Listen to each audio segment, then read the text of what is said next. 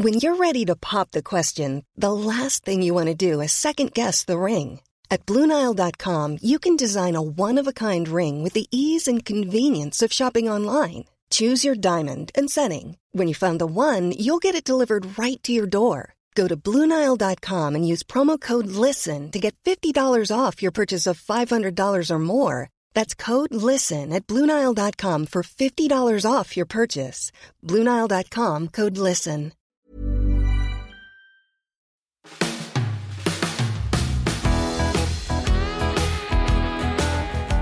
Hej och välkommen till Udda Jämt. En podd om vårt liv som är, precis som det låter, udda, jämt. Det är lite olika tillfällen bara som avgör vem av oss som står för det namnet. Den här podden drivs av mig, Annika 50 år, som både kan vara klok och vimsig och min son Lukas 21 år som har ADD och Asperger. Här delar vi med oss av vårt liv med diagnoser, allt från Lukas tuffa uppväxt och min roll som stöttande mamma till vår vardag som ibland kan innehålla roliga och genanta situationer som utmanar våra roller. I dagens avsnitt så tänkte jag att vi ska prata lite mer om Lukas tankar, erfarenheter och nyfikenhet och driv för arbetsliv och utbildning. Ni ska även få höra mig berätta om kontrasten där mellan mig och Lukas, hur mitt driv istället kan eh, bli som en skenande häst på sommaräng och vilka konsekvenser det kan ge. I avsnitt fyra då pratar vi lite om Lukas tid efter studenten.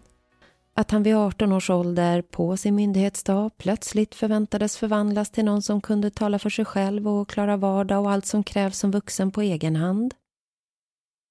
Man kunde plötsligt inte vara samma verktyg som man hade varit under hela hans tidigare liv.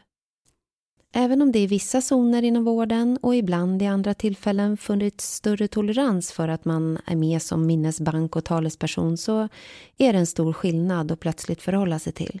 Och även om Lukas är duktig på att tala för sig själv så är minnet det svåra för honom.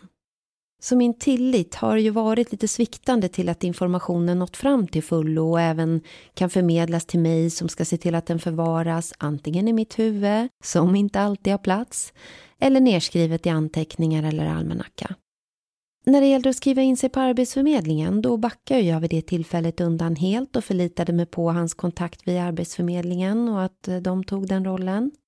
Det resulterade bland annat i att Lukas började en studie inom programmering. Och det gjorde han även om han aldrig har tyckt om just programmering och tyckte det var både tråkigast och svårast när han läste det på gymnasiet. Men han sa ju ändå ja till coachens påtryckningar om att det ändå var en bra bransch och att han tyckte att Lukas skulle försöka det och se om han kunde knäcka koden. I efterhand så visar det här just vad svårt det är att vilja vara till lags och vilja göra rätt så till den grad som Lukas vill. Det vart i det här fallet en vilseledd väg mot speldesign som kostat mycket tid och ånger. Det visade sig även på vägen att det fanns så pass många olika programmeringsspråk och just den som Lukas hade blivit förd in via Arbetsförmedlingens hjälp, den var både väldigt svår och inte heller det språk som man i huvudsak använder sig av inom spelutveckling. Och det här fick vi veta av en väldigt trovärdig källa som vi lyckades nå fram till för ett tag sedan. Lukas behövde en praktikplats för sina studier som programmerare och vi sökte med ljus och lykta. Praktikanter står ju inte jättehögt i kurs för det krävs ju både tid och engagemang utan ersättning för den som tar sig an en praktikant. Så det vart ingen lätt uppgift. Bland annat så skrev jag till en person som hade stor erfarenhet av spelbranschen, gedigen bakgrund och som hade haft eh, högt uppsatt ledarpositioner i ett stort spelföretag. Jag har under mitt liv inte riktigt haft den där gränsen vilka jag borde kontakta och inte i sådana här sammanhang, på gott och ont. Så den gränslösa brinnande Annika i mig struntade i vad det stod på namnbrickor hos personer jag sökte. VD, entreprenör, investerare. Inget av det fick min klocka att ringa att jag kanske stör någon viktig person med en väldigt oviktig fråga. Men jag skrev ändå och frågade om han hade möjlighet att erbjuda Lukas en praktikplats. Man kan ju bara få ett nej. Och jag fick faktiskt ett långt fint svar och en uppmuntran om mitt engagemang som förälder, vilket gjorde mig jätteglad, för annars är det ju lätt att det tolkas tvärtom. Han är ju ändå över 18 nu. Just den här mannen var för närvarande inte längre ett företag där han hade den möjligheten. Han jobbade bara med etablering och investering av nya företag. Däremot så erbjöd han Lukas att boka ett möte för att få hjälp och vägriktning och lyckas och lite braiga tips. Väl gjort så pratade de i 40 minuter och Lukas fick många bra tips och det var ett för honom väldigt inspirerande samtal. Och det han fick veta då, det var att just det språk som Lukas studerar inte heller används så mycket inom spelutveckling. Så det vart ju en stor lättnad eh, eftersom han har känt länge hur fel det här kändes och han ändå inte vill hålla på med det här oavsett. Det ena har lett till det andra och Lukas vill ju plugga helt andra utbildningar framöver för att nå sina mål. Det är samtidigt bra att inte hoppa av en utbildning så Lukas har kämpat på till någon annan möjlighet att kunna ersätta hans sysselsättning. Men jag har ju haft svårt att läsa av honom hur pass jobbigt det här har varit för honom. Och det är just för det här att han alltid vill göra rätt och vara till lags. Men jag tror nu i efterhand att det har varit mycket kämpigare och större motstånd i honom än vad han har visat mig. Men så händer plötsligt något fantastiskt. Min klippa till bror, som också är poddens klippare, Rickard Tell, är väl insatt i vår situation och vet hur mycket Lukas kämpar och vem han är och vad som finns innanför det här blyga skalet. Så han tog sig an och kontaktade personer inom en koncern som han har kontakter i som jobbar med lagarbete och plockhantering. Han kontaktar dem och ger Lukas otroligt fina ord och rekommenderar honom för den här arbetsplatsen. Han blir då snabbt uppringd och slumpen visar sig att de just då sökte anställda och Lukas blev ombedd att ansöka och fick komma på en intervju. Det slutade med att Lukas fick jobbet. Vi är så otroligt glada här nu. Lukas kan få avsluta den studie som kändes helt fel, jobba en tid och sen ta nya tag för utbildning och då med en helt ny kunskapsbank i vad han ska söka. Som jag berättat lite i tidigare avsnitt så kontaktade jag en som jobbar som kommunikatör för ett par månader sedan för att be om hjälp och tips för Lukas inför kommande intervjuer. Det var en erfaren person som hade föreläsningar inom kommunikation och även hade hjälpt offentliga personer att komma över scenskräck och blyghet. Det slutade med att den bjöd Lukas på ett långt samtal med tips och även samtal kring kommunikatörens egna utveckling från att ha varit lite i Lukas situation faktiskt till att nu älska det han gör dagligen, prata inför en stor publik. Så även om Lukas minne inte är det bästa så ska jag ändå fråga honom nu om han lyckats finna sig i situationen och om han kunde använda sig av några tips nu när han väl fick chansen. Så att jag tänker att jag ska ta med er in i stunden nu när jag och Lukas pratar lite om hans väg till sitt nya jobb.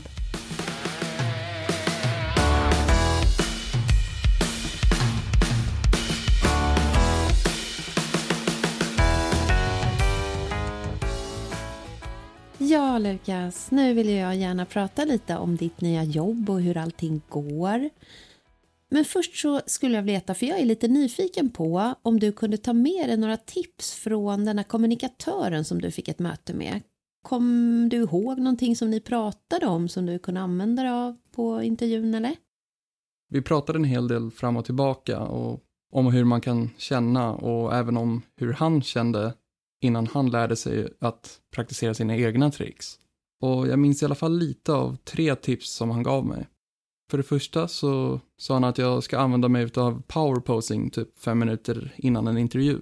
Powerpose är en självförbättringsteknik där man ställer sig en kraftfull pose för att bygga upp ens självsäkerhet. Det andra han berättade för mig var att jag ska försöka lyfta upp dem. Som till exempel om jag är på en arbetsintervju hos ICA och de frågar varför jag sökte just dit. Så ska jag försöka lyfta fram dem med positiva grejer som att jag tycker alltid att de är så välkomnande och deras personal bemöter en alltid med ett leende och jag tycker alltid att servicen där är så bra. Bekräfta dem helt enkelt Mm. Ja. Mm. Och det tredje och sista tipset som han gav mig var att jag ska försöka förklara för dem varför de vill ha just mig. Jag ska få fram att jag besitter de styrkorna som de är ute efter. Att jag kan göra nytta hos dem. Så varför de borde anställa just mig och vad de har för nytta av att anställa mig helt enkelt. ja, jag förstår.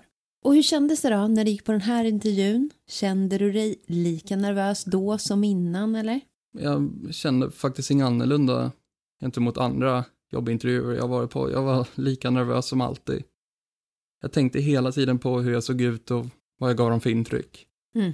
Jag försökte däremot tänka på i alla fall två av de sakerna han hade nämnt. Du körde ingen superhero pose. Nej, det var lite svårt att göra. Det kändes konstigt att göra det på bilen på vägen dit. jag fattar det. Men så jag försökte i alla fall tänka på att berömma dem och berätta vad jag skulle kunna tillföra dem. Bra. Och hur kändes det när du gick därifrån då? Ja, det är samma där. Kändes väl som vilken arbetsintervju som helst. Jag, jag tycker oftast att det är svårt att läsa av den som intervjuar. De är lite som robotar. Man får ingen känsla av hur de tänker. Sen var vi också tolv stycken där på genomgång och på personlig intervju. Så jag kände att konkurrensen var tuff. Så jag fick inte upp förhoppningarna så värst mycket. De sa att de skulle höra av sig inom en vecka och sen ringde de faktiskt dagen efter på förmiddagen och sa att jag hade gjort ett gott intryck och att de ville erbjuda mig ett jobb. Så himla kul! Vi blev ju så himla glada, både du och jag. Och berätta, hur kändes det din första arbetsdag? Det var inte så svårt faktiskt. Jag fångade upp rätt snabbt hur det gick till. Det enda som jag tyckte var svårt var väl den sociala delen med att träffa nytt folk och att behöva fråga ifall jag behövde någon hjälp. Men man jobbar ju individuellt och jag har även hittills varit själv på lunchrasterna så alltså det är inte så socialt utmanande för mig än. Sen är jag ju helt slut när jag kommer hem. Jag somnar ju typ på en minut. Ja, det gör det faktiskt. Nu är ju det här väldigt nytt, men kan du känna om det här är ett bra upplägg för just dig och dina svårigheter? Ja, jag föredrar ju när jag har bestämda saker att göra när det är lite schemalagt. Hellre liksom att jag gör samma sak varje dag än att det kan sprida ut sig mellan oförutsägbara saker. Jag föredrar mer det jobbet som en arbetsmyra. Att bara gå in, göra jobbet, jag vet vad jag ska göra, sen mm. gå ut. Att du vet vad som, även om det blir lite same same, mm. så blir du tryggare och lugnare av det. Mm. Ja. Härligt! Och nu, nu undrar ju bara prinsessa Jasmine när din första lön kommer och om det då kanske skulle kunna vara så att hon kan få en prinsessklänning eller? Uh, mm, kan prata om det. Var det ett kanske? Nej. Tack snälla Lukas för idag. Nu ska du få gå in och chilla och få lite väl förtjänad vilodag. Tack så mycket.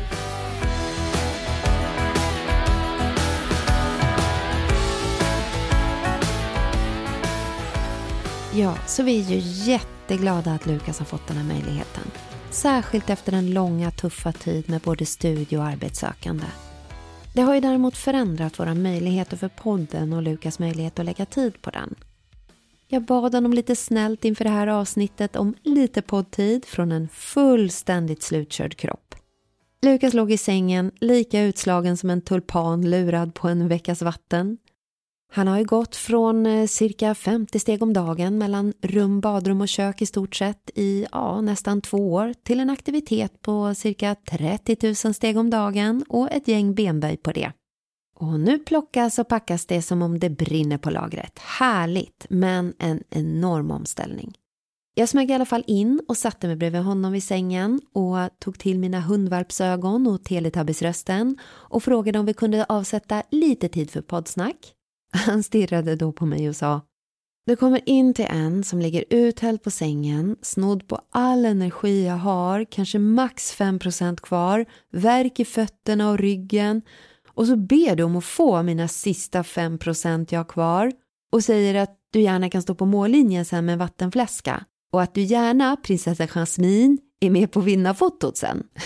Som sagt, Lukas har sitt underbara sätt att säga nej tack och jag har mitt sätt att omvandla det till ett ja innan det är färdigprocessat i hjärnan. Så att, ja, vi lyckades krama ut lite i alla fall. Men vi kommer att ta en paus nu för att vi båda behöver det, även om det här är fantastiskt kul. Att lära sig något nytt och få ihop allt, det är en tidskrävande process, även om det är det roligaste jag vet. Lukas har jag inte hunnit fråga. Vi kommer jobba vidare på podden och vi hoppas att vi kan hitta tid och möjlighet att fortsätta på något sätt. Som avslut på dagens avsnitt så tänkte jag berätta lite om mig och kontrasten mellan mig och Lukas när det gäller det här med drivet.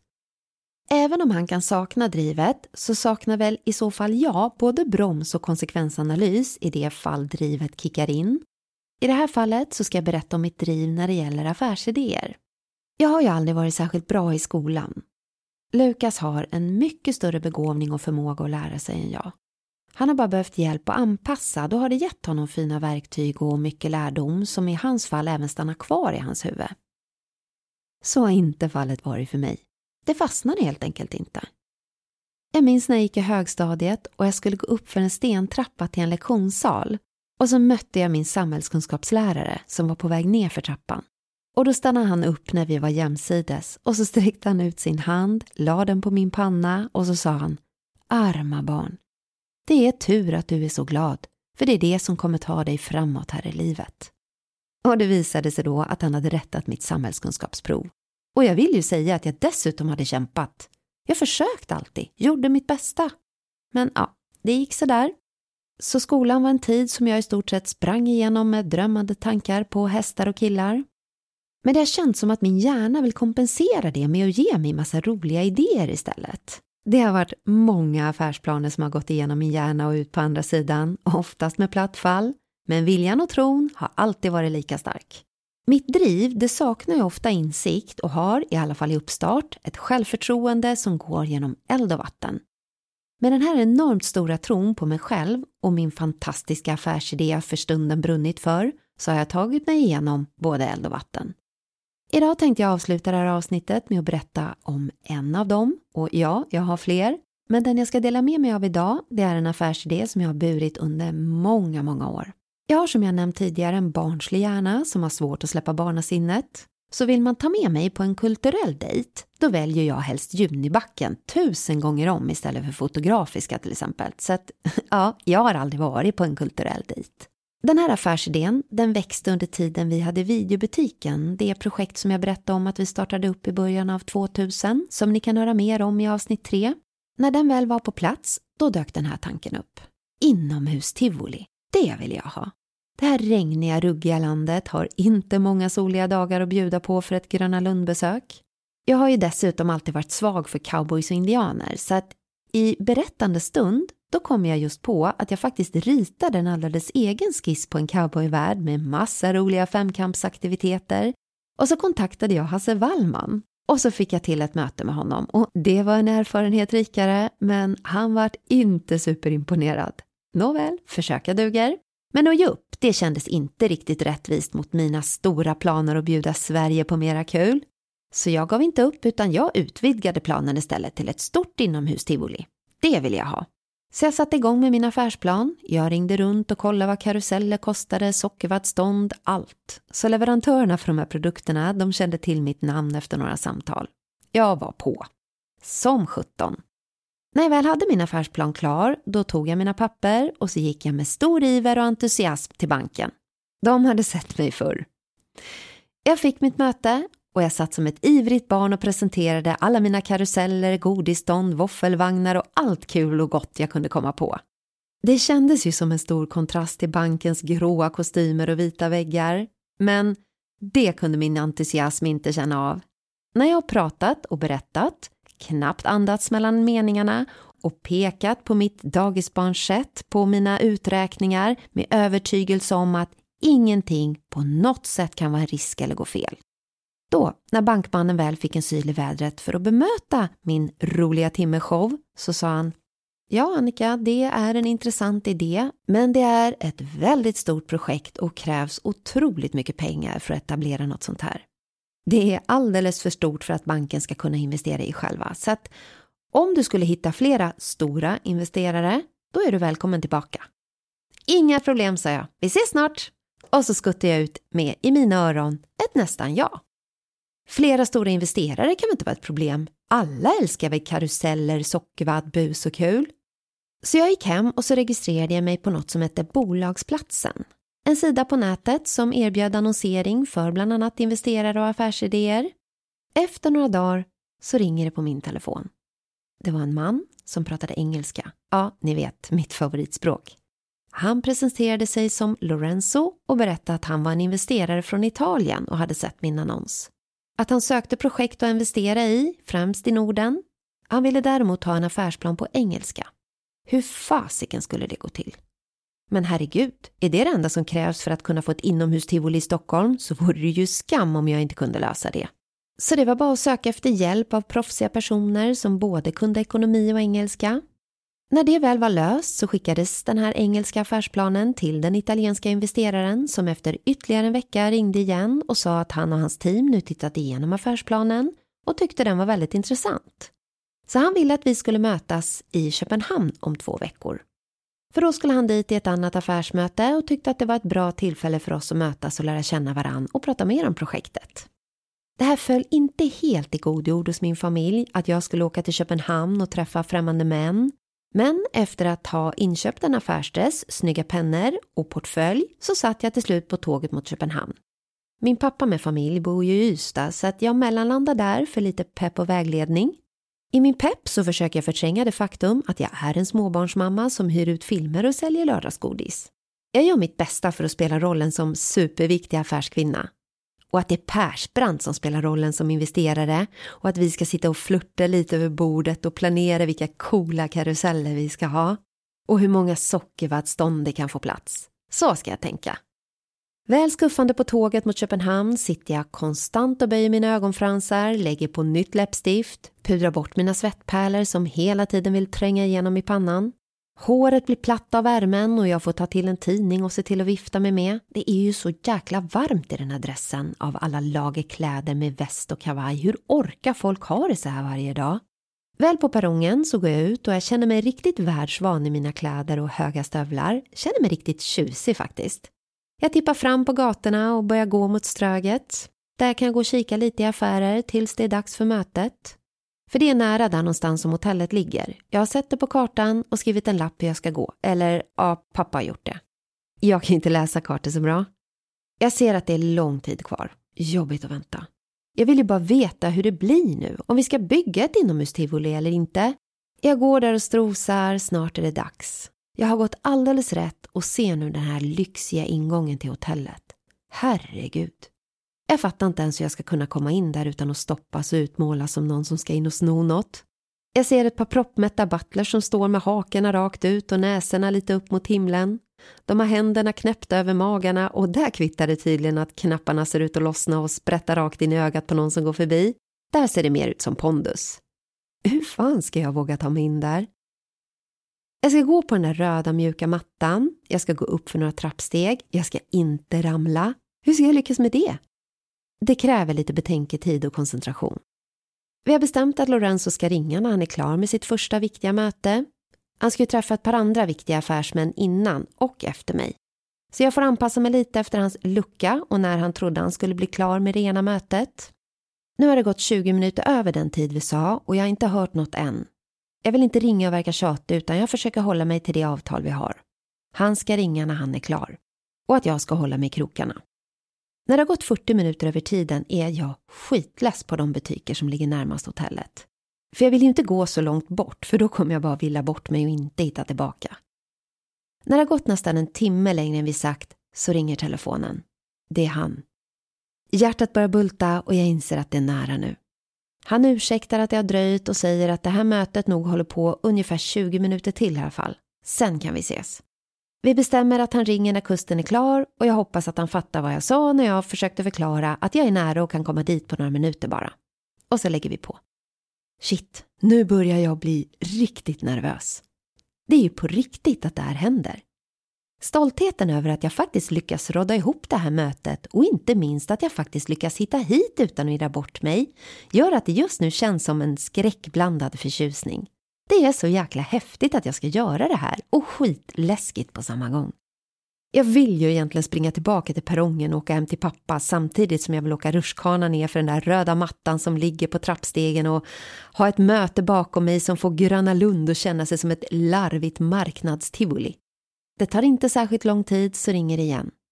Det är Lorenzo som nu säger att kusten är klar. Paniken växer, hjärtat slår. Det är mitt medvetande och mitt inre driv som får mig att bara gå mot de där butlerserna och inte springa hem igen.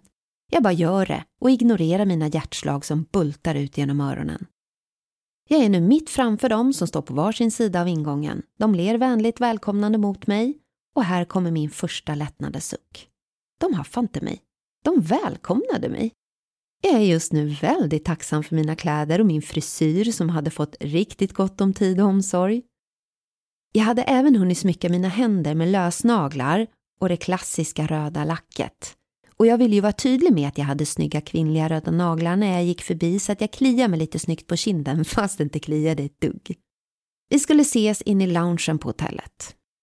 När jag kommit upp för nästan alla trappor, då hämtar jag hem segern lite i förskott, för på sista trappsteget snubblar jag ändå till lite, men lyckas fånga upp min kropp innan det blir för mycket övervikt åt något håll.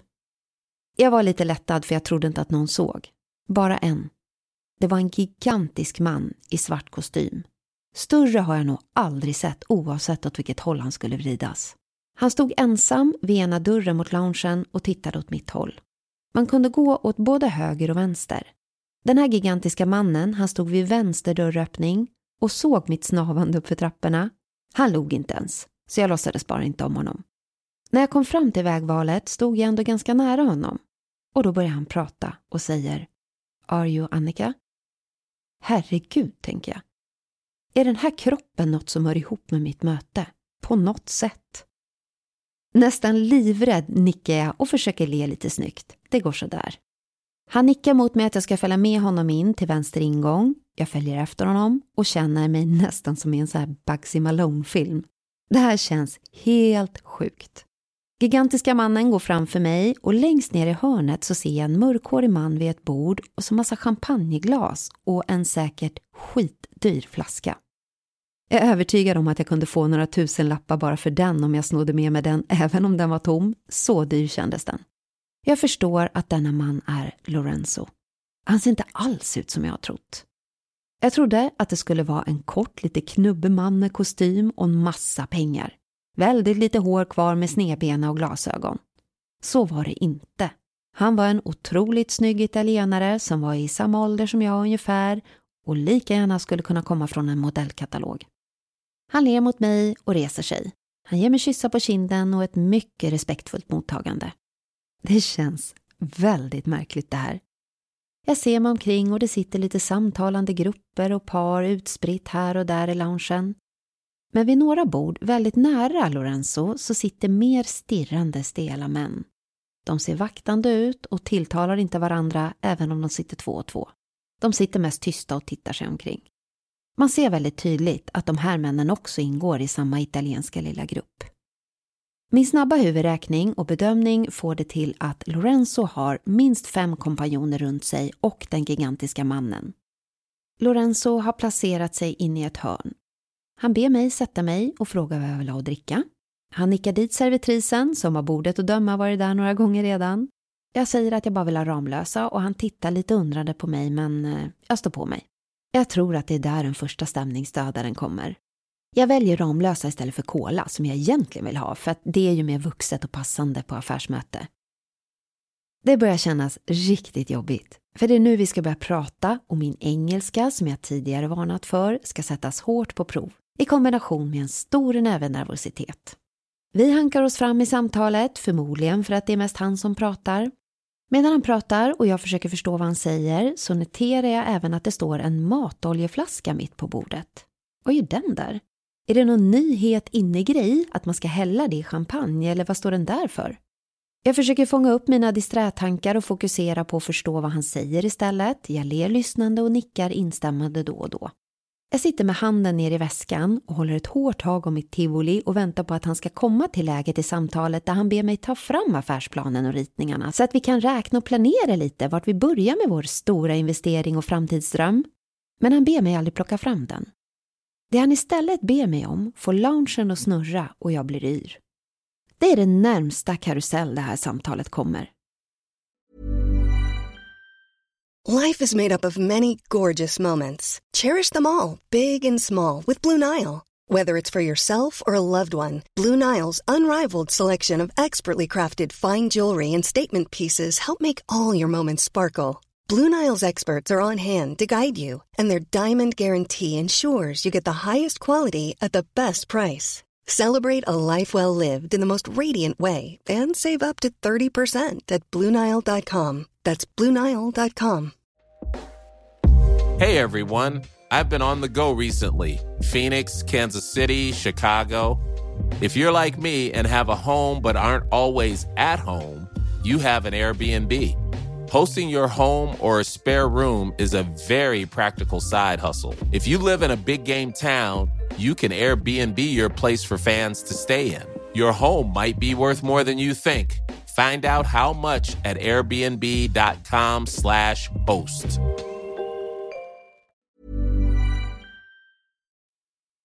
Det Lorenzo istället berättar för mig, det är att de egentligen är affärsmän med lite annan inriktning.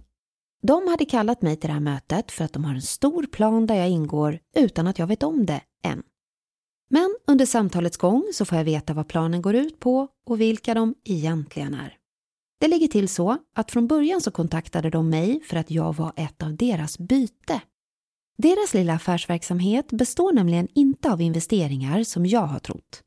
Det är så att vi som har drömmar och visioner investerar i dem istället, utan att veta om det. Det går till så att de fångar upp sådana som jag som har orealistiska drömmar och söker investerare. Sen begär de 10% kontant av det vi vill låna i så kallad förskottsränta. När de fått den procenten och ska dela med sig av sin investering så försvinner de och går under jord. Omöjliga att hitta. Det förklarar nu oljeflaskan som står på bordet. Det är nämligen en stackars dröm och vision som står där. Som varit där på möte innan mig. En fullständigt lurad kille. Som kommer dit i tron om att sälja in en produkt och få investerare att nappa på hans framtidsvision. Det enda som krävs är att han har med sig 10% av det han vill ha i investering i kontanter. Det skulle han fixa, inga problem. Nu när han har gått så står hans lilla flaska kvar där som ett minnesmärke av narr som nu hånas och skrattas åt av det lilla italienska gänget.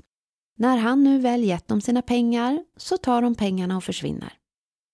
När det går upp för mig att jag faktiskt just hamnat i klorna på den italienska maffian så ser jag utifrån mig själv hur jag egentligen ser ut när jag sitter här som en dum blondin mitt i smeten av lyxdrickande italienska mafiosos och skålar med min Ramlösa fullständigt lurad.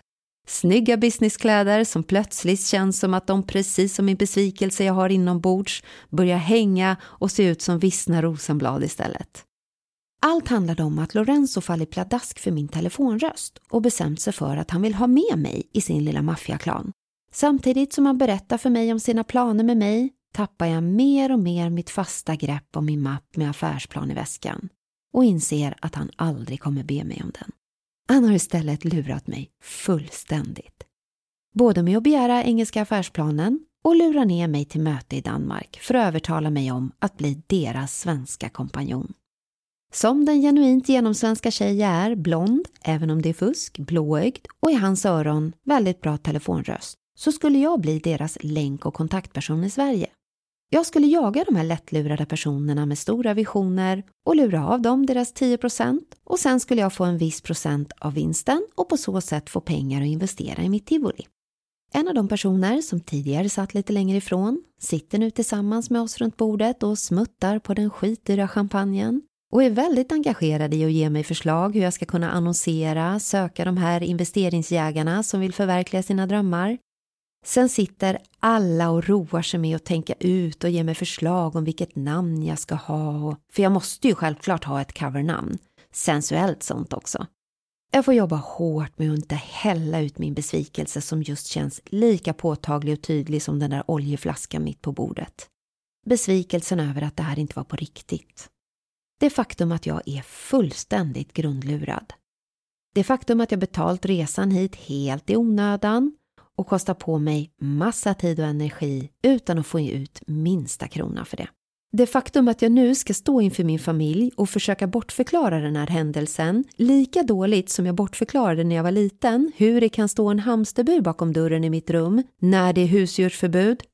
Lorenzo och hans team är i full gång och inspirerar mig. De har redan ordnat med telefonkort som inte kan spåras. Det nummer som vi ska ha kontakt med nu när vi är ett team Sen vill de att vi ska tömma våra glas och gå och köpa mig den snyggaste bästa telefonen, stor garderob med dyra fina kläder. De försöker dessutom övertala mig att stanna kvar över natten. Att jag får ett eget superlyxigt hotellrum och när vi köpt mina kläder så ska vi gå ut och äta och ha en hel utekväll i Köpenhamn så vi kan fira mitt nya jobb som italiensk maffiamedborgare. Jag kör nu alla tricks jag kan med att försöka snickra mig ur allt det här utan att få bilden i huvudet hur jag hängs upp som en tavla av den gigantiska mannen som visade sig vara en av hans livvakter.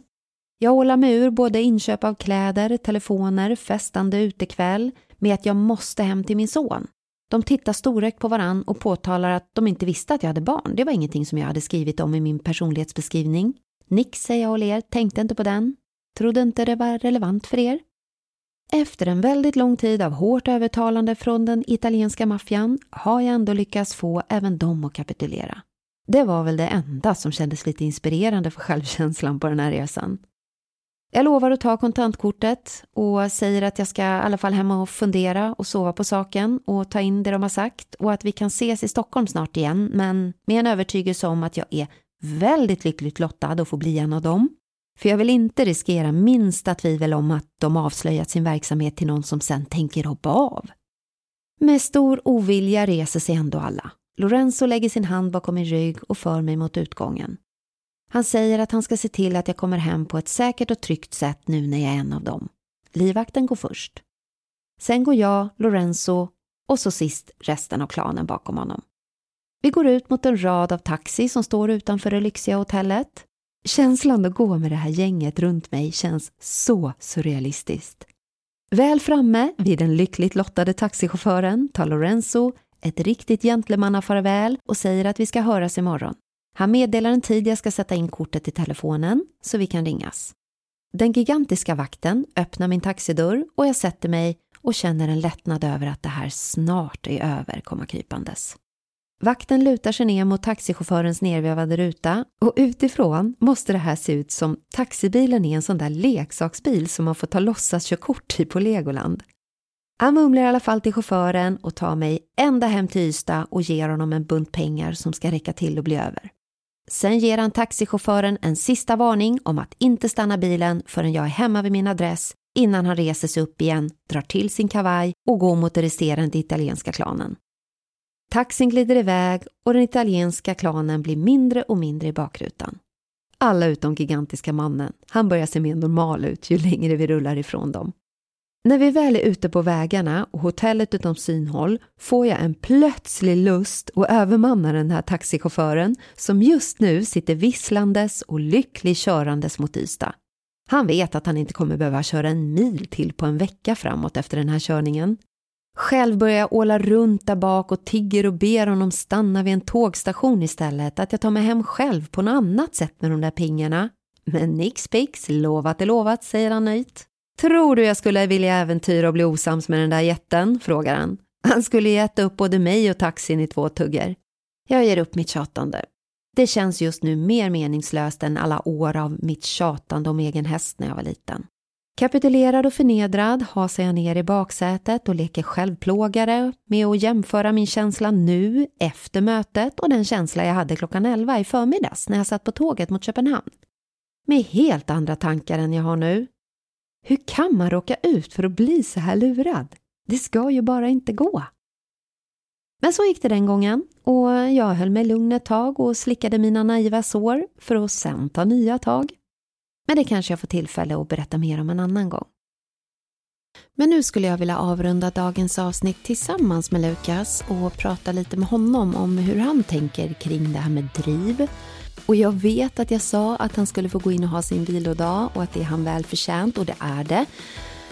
Men jag vill ju så gärna prata om det här så att jag tog till det jag alltid har nära till hands, ett litet nej förresten och bad om några minuter till så vi kunde få några minuter tillsammans och prata lite om för och nackdelar med driv.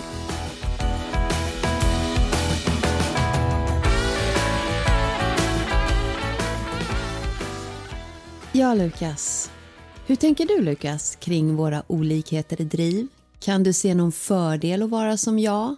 Eller ser du det bara som nackdel? Blir du bara helt trött? Jag blir mest trött som din son. Jag förstår det. Men det har ju säkert några fördelar. Du ger dig ju inte när du väl har låst in på någonting. Så det är ju både en för och nackdel. Du har inte riktigt alltid konsekvenserna i tanke. Men Nej. Eh, du, du ger inte förrän det är klart. Problemet kan väl vara också att när jag, när jag får det här drivet så nackdelen med det kan ju vara att jag inte riktigt ser att det på något sätt kan gå fel. Hur blir det för dig som står på andra sidan? Har det varit situationer där du ser en annorlunda utgång på det hela än vad jag gör? Jag brukar ju mest bara få se resultatet efteråt. Ja, det är sant. I de här sammanhangen när det gäller affärsidéer och så ja. Men jag tänker när jag kan vara lite så här på överhuvudtaget när det gäller någonting har det varit någon situation då där du kanske har sett så här, det här, det här kan jag se inte kommer gå vägen? Det här kommer inte bli det hon tror eller vill. Ja, det, jag kan inte komma på exakt någon specifik, men det är något jag känner igen. Mm. Och hur, hur tänker du då och hur agerar du då gentemot mig? Jag försöker prata med dig och få fram lite det här, eh, diskutera om, är det verkligen en bra idé? Kommer det verkligen bli som du tror? Är du liksom uppe i varv och är full av energi och bara vill köra det du håller på med? Eller så att du inte tänker efter om det verkligen är en så värst bra idé? Du vill egentligen gå in och försöka få mig att se saker lite logiskt och lite klart. Du vill egentligen putsa bort imman från rutan. Ja, men mig. det går ju aldrig. Nej, Nej och det, det är dit jag vill komma. Där vet jag att jag har en svaghet, för det är ju, det är ju kanske överprocentuellt det blir till, till min besvikelse i slutändan. Men jag är ju ändå inte säker på om jag hade kunnat gått och stoppa. Jag vet ju att du har försökt ibland. Ja, det är ingen svaghet, det är mer som ett handikapp. ja, ja det, det kan du ju ha rätt i, i alla fall i efterhand. Och så får ju du ofta komma där och, och, och skrapa upp det som är kvar av mig. Men när jag kommer med en sån här, vet du, det här vill jag, eller det här vill jag jättegärna göra. Hur blir det för dig då? Hur, tänk, hur känner du då i den stunden? Fan inte igen. ja, för jag vet hur det kommer bli. Jag vet bara att det är Oftast när det är de här idéerna som uh, du kanske känner dig väldigt så här, det här är en jättebra idé när det kanske inte är det. Så vet jag ju att det kommer sluta i krasch och då vet jag ju att det är bara är besvikelse som väntar i slutet och det ser man inte fram emot riktigt. Nej, det är den känslan som du får gå in i då. Och det, det, det är ju den känslan du inte tycker om eftersom du alltid vill att jag är glad. Mm. Men jag uppskattar ju att... Och det är som att du alltid vill att du inte är glad. ja, för att jag, vet, jag uppskattar ju verkligen, för när jag får det här, åh, jag vill verkligen göra det här. Som kanske nu då, när jag kom på att jag ville prata lite mer med dig. Och då driver jag på så att det verkligen blir så som jag vill. Eh, och jag är jättetacksam att du är en följsam person och gör det. Men kan du någon gång själv känna att du saknar det? Eller är du helt nöjd med din inställning till driv? Jag känner mig nog nöjd eftersom jag inte har något, eftersom jag inte har någonting liksom som pushar mig att agera för någonting så då betyder ju det att jag inte riktigt har en känsla av att det är någonting jag vill få gjort eller det är någonting som jag vill göra här och nu. Så då är det inget som saknas riktigt. Nej, nej, jag förstår. Men om du skulle få en eh, idé om någon företagsidé eller något till exempel. Hur tror du att du skulle hantera det då? Ja, först skulle jag se hur realistiskt det är. Mm. och sen då tänka liksom hur eh, kan jag gå utifrån där jag är nu mot det målet då. Är det någonting jag kan börja med nu eller är det någonting som får komma senare? Du kickar inte riktigt igång på känslan utan får en idé då kan du hålla dig till att vara praktisk. Du får ju den där känslan mycket starkare än vad förmodligen kanske andra gör. Mm. Men jag, jag får inte riktigt den känslan. Nej. Kan du se någon fördel i att jag får den? Inte för dig då, för det är det ju inte, men att vara en sån som jag. Kan du se några fördelar i det eller är det bara jobbigt? Ja, för att du ger det inte förrän det är gjort. Det, det är väl det positiva med det. Mm. Ja, men vad bra, då är det något bra med det. Tack snälla Lukas för idag. Tack för det här pratet. Och nu lovar jag, nu lovar jag att du ska få gå in och vila lite. Tack själv igen. Nu är det dags att avsluta dagens avsnitt och vi kommer ta en välbehövlig paus även om vi kommer fortsätta jobba med podden och vi får se hur vi kan utforma poddens framtid. Har ni förslag på ämnen som ni önskar att vi tar upp eller om ni vill dela med er av era egna livshistorier, om ni till exempel har barn med annan problematik som ADHD, kanske hemmasittarproblem eller liknande som ni vill berätta om, då får ni gärna mejla dem till oss på uddajämt.gmail.com. Och fortsätt gärna hjälpa oss att sprida podden och följ oss på Instagram eller Facebook där vi heter Udda Jämt Podcast. Så även om vi inte kan sätta datum på när vi ses och hörs igen så håll gärna utkik på våra sociala medier och sist men inte minst, var rädda om varann